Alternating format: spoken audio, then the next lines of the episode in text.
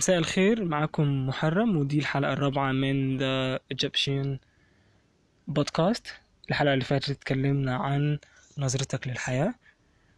أه والحلقة دي هنتكلم عن نظرتك لنفسك أو وجهة نظرك في نفسك أو إزاي تحكم على نفسك وإزاي تقيم نفسك. أه من منطلق إن إحنا طبعا مش عايزين نفتي مش عايزين نتكلم في حاجات صعبة ما يبقاش عندنا فيها معلومة. نقدر نفيد بيها فإحنا بنتكلم على الحاجات البسيطة اللي إحنا نقدر نقول إن إحنا بندردش فيها مع بعض وفي نفس الوقت هي حاجة قيمة أو نتمنى إن هي تكون قيمة. أه وجهة نظرك في نفسك حاجة من الحاجات المهمة جدا لأنها بتأثر على حياتك بتأثر على شغلك بتأثر على علاقاتك ال- الإنسانية. أه الناس أحيانا بتستخدم وجهة نظرك في نفسك كبديل لوجهة نظرهم فيك. و آه، انت بتستفيد من فرص في حياتك علشان انت شايف نفسك صح وبتخسر فرص في حياتك علشان انت مش شايف نفسك صح. هنتكلم في البودكاست دي عن آه، أدوات ممكن تساعدك إن انت تشوف نفسك كويس آه، وإن انت يكون عندك رأي دقيق عن نفسك. أول حاجة إن انت تكون صريح ما تحاولش تأوفر ريت نفسك ما تحاولش تدي نفسك أكتر من حقها كإرضاء يعني للإيجو والغرور لأن ده يعني آه، هيخليك واهم شوية في وجهة نظرك عن نفسك. و... والحقيقة إن النتائج هتطلع حسب الحقيقة مش حسب اللي أنت شايفه لأن اللي أنت شايفه ده وهم شوية. فبقدر الإمكان خلي اللي أنت شايفه واقعي علشان تقدر تروح لنتائج مفيدة. وفي نفس الوقت ودي حتة أهم بكتير من إن أنت ما تعملش over rating لنفسك أنت ما تعملش كمان down rating لنفسك أو underrated لنفسك. أنت أنت ما ينفعش تقسو على نفسك أنت المفروض تكون دقيق. بس لا توهم نفسك بحاجات مش موجودة فيك ولا تسلب نفسك من صفات هي في الحقيقة موجودة فيك ولا تهارد on yourself وتحمل نفسك أخطاء ناس تانية أو تحمل نفسك أخطاء أم، أو أو عيوب يعني ما هياش ذنبك لوحدك أو ما هياش ذنبك أصلا. النقطة ال- ال- التانية في الأدوات اللي أنت هتستخدمها وهي برضو ليها علاقة شوية بالنقطة الأولى آه، إنك ما تحملش نفسك الذنب لوحدك إنك أنت ترجع لتاريخ الأشياء. أنا دلوقتي عندي صفة معينة في شخصيتي. هو إيه اللي جاب الصفة دي عندي؟ هل أنا وارثها من أهلي؟ أو هل هم كانوا بيعاملوني بشكل معين في الطفولة؟ فوصلوني لل... لل... للصفة دي. طيب أوكي. هل أنا لما اتولدت بالصفة دي أو لما اتغرست فيا الصفة دي سبتها؟ ما حاولتش أغيرها؟ هل هم بس اللي يتحملوا ذنب تواجد الصفة دي فيا ولا أنا كمان بشارك في جزء معين والجزء ده قد إيه؟ طيب أه هل ال- الموضوع ده مؤثر على الشخصية بشكل أه كبير ولا أنا ممكن أهتم دلوقتي بتغيير حاجة مختلفة عن النقطة دي لغاية ما نشوف أه هنرجع لها إمتى؟ كل ده أنت اللي لازم تحدده.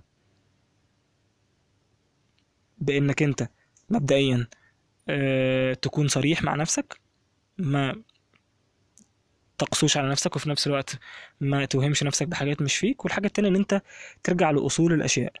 أصول الأشياء دايما فيها الإجابة بتاعت ليه. السببية بتقول لنا كده إن أنت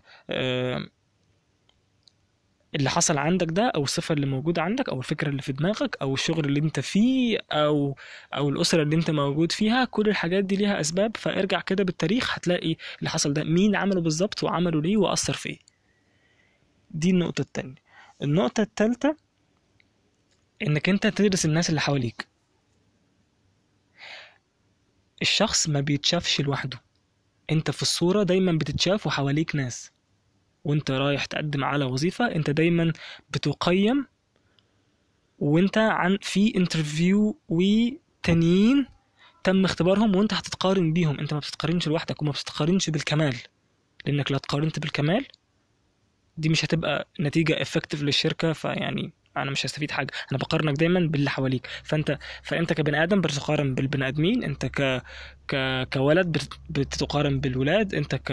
كموظف بتقارن بالموظفين وهكذا. فدايما شوف نفسك بتترتب رقم كام وسط اللي حواليك. وبص على الناس. شوف الناس إيه عيوبها وإيه مميزاتها. اتعلم منهم. اتعلم من اللي حواليك. وتخليك دايما مركز وقاري وتخلي دايما عندك عقلية تحليلية.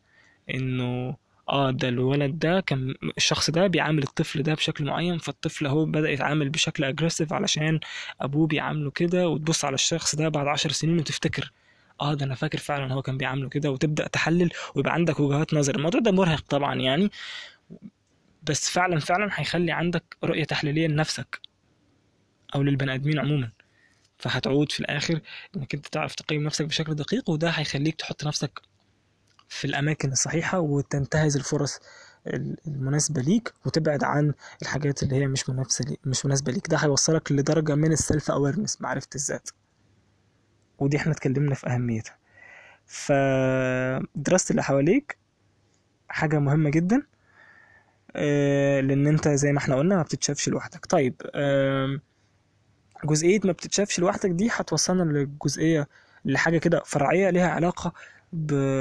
طيب انت دلوقتي بتقولي ما اهتمش برأي الناس وفي نفس الوقت بتقولي ان أنا ما بتشافش لوحدي وان أنا لازم اعرف الناس بتفكر إزاي أو أو اركز مع الناس ونركز الناس بتركز معايا طب أنا اعمل إيه؟ أنا اهتم برأي الناس ولا ما اهتمش بيه؟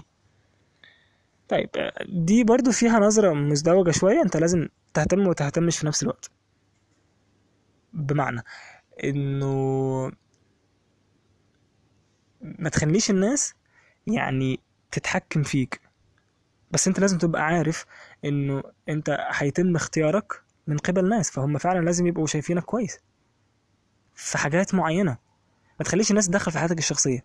بس أدائك في الشغل طبعا لازم يبقى مديرك شايفك بشكل معين. مديرك ملوش علاقة بشغلك بس ملوش علاقة بحياتك بس له علاقة بشغلك. ففي حاجات معينة آه طبعا رأي الناس مهم فيها. لأن أنت بتقدم خدمة مثلا أنت عندك شركة وبتقدم خدمة. بتقدم خدمة لمين؟ ل client فلازم ال client ده يبقى شايف إن خدمتك مهمة في حياته.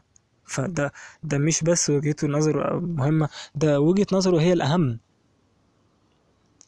ف وده هي- هي- هيتساوى أو هي... هيبقى قريب من المعنى اللي إحنا قلناه في البودكاست اللي فات إنه ما فيش حاجة مطلقة. ما فيش حاجة ما فيش حاجة بتقول انه رأي الناس دايما مش مهم أو ما فيش حاجة بتقول إن ده رأي الناس دايما مهم.